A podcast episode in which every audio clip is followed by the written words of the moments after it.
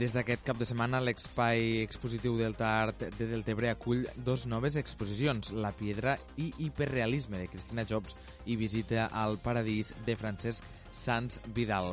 A l'espai 1, a la planta baixa, es pot visitar la mostra fotogràfica de Francesc Sans, la qual compta amb un resum d'imatges dels set anys que l'autor porta residint al Delta de l'Ebre. Sans és un enamorat del Delta des del primer dia que el va visitar.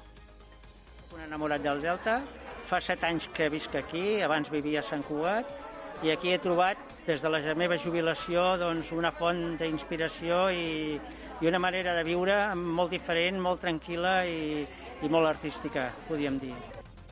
A la segona planta de Delta Art es pot visitar la col·lecció de Cristina Jobs. La Piedra és una exposició inspirada en el poema La Piedra de l'autor Antonio Pereira i fusiona l'art hiperrealista amb la pintura pop art. A més, també es pot veure un recull d'obres hiperrealistes que l'artista ha anat creant al llarg de la seva carrera. La mostra va ser realitzada per a l'exposició organitzada per l'Organització Espanyola de Pintors i Escultors i es va estrenar el passat mes de novembre a El Silo de Hortaleza, a Madrid. Ara Cristina Jobs l'ha volgut portar a Deltebre. Aquesta exposició pues, ja té eh, dates tancades en altres galeries eh, nacionals i també internacional, però, tot i això, jo tenia molt clar que aquestes dates tenien que ser per a Deltebre perquè tenia que ser el primer puesto ante, ante Esportes. Les exposicions estaran obertes al públic fins al proper 24 d'abril, just quan es complirà el primer aniversari de l'Espai Delta.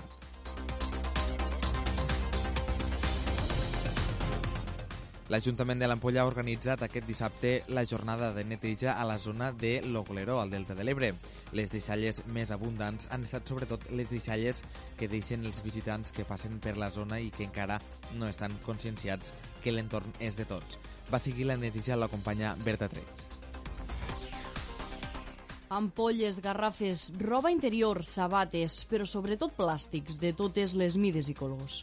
Són moltes les deixalles que s'acumulen al Delta de l'Ebre, algunes provinents de la mar, altres dels canals de rec dels arrossars i la majoria dels turistes que visiten la zona. És per això que l'Ajuntament de l'Ampolla és una de les moltes institucions i entitats que periòdicament organitza jornades de neteja. Aquest diumenge, una d'elles ha plegat a la zona de Logoleró a una desena de voluntaris. La majoria de les coses són gent de, que ve a passejar, que ve a, de turista i que bueno, le, llançar les llaunes, els plàstics, els envoltatge dels bocates o les coses que es mengen no? o que utilitzen. No? Afortunadament el que no tenim són aquests abocaments que, d'empreses que puguen ser contaminats, no? però també ens preocupa moltíssim que el plàstic i les llaunes arribin al mar perquè bueno, tots sabem el que costa això eh, de cara a la natura el que, el que perjudica i per tant en volem conscienciar moltíssim de que la gent s'ho emporti cap a casa i no embruti l'entorn. Després del temporal Glòria, que va concentrar un centenar de persones a la costa ebrenca, els ànims sembla que s'hagin apaivagat a poc a poc. Els voluntaris creuen que cada cop la gent està més involucrada amb la sostenibilitat, però que encara queda molta feina a fer en temes de conscienciació. Fa uns anys no hi pensava tant en tot això i, i des de fa uns anys cap aquí sí. Jo crec que sí que cada vegada hi ha més gent conscienciada o, o més gent que es preocupa per limpiar i per netejar les platges, però també queda molt d'incívic encara, eh? Encara queda molt d'incívic. Ara mateix venia conduint per la carretera i llaunes als costats, vull dir, gent que, que encara no té assumit això i, i déu-n'hi-do. S'hauria de fer més coses, és a dir, ja no només des dels ajuntaments, entitats socials, escoles, eh, ensenyar als crios, ensenyar perquè són la, la nova generació que puja, que, que estiguem mentalitzats de que això s'ha de conservar i que hem de participar tots quan poguéssim, perquè no, pot, no tots podem sempre, però intentar participar per a deixar això pues, en bones condicions i disfrutar-ho. En poc més de 3 hores s'han aconseguit aplegar més d'una vintena de sacs plens fins dalt, en gran part de plàstics d'un sol ús.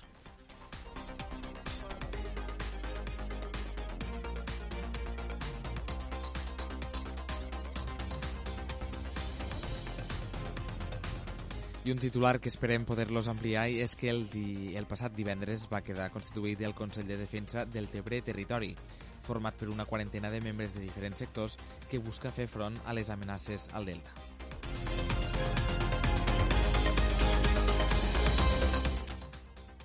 Ja sabeu que podeu continuar informats a través del portal delta.cat.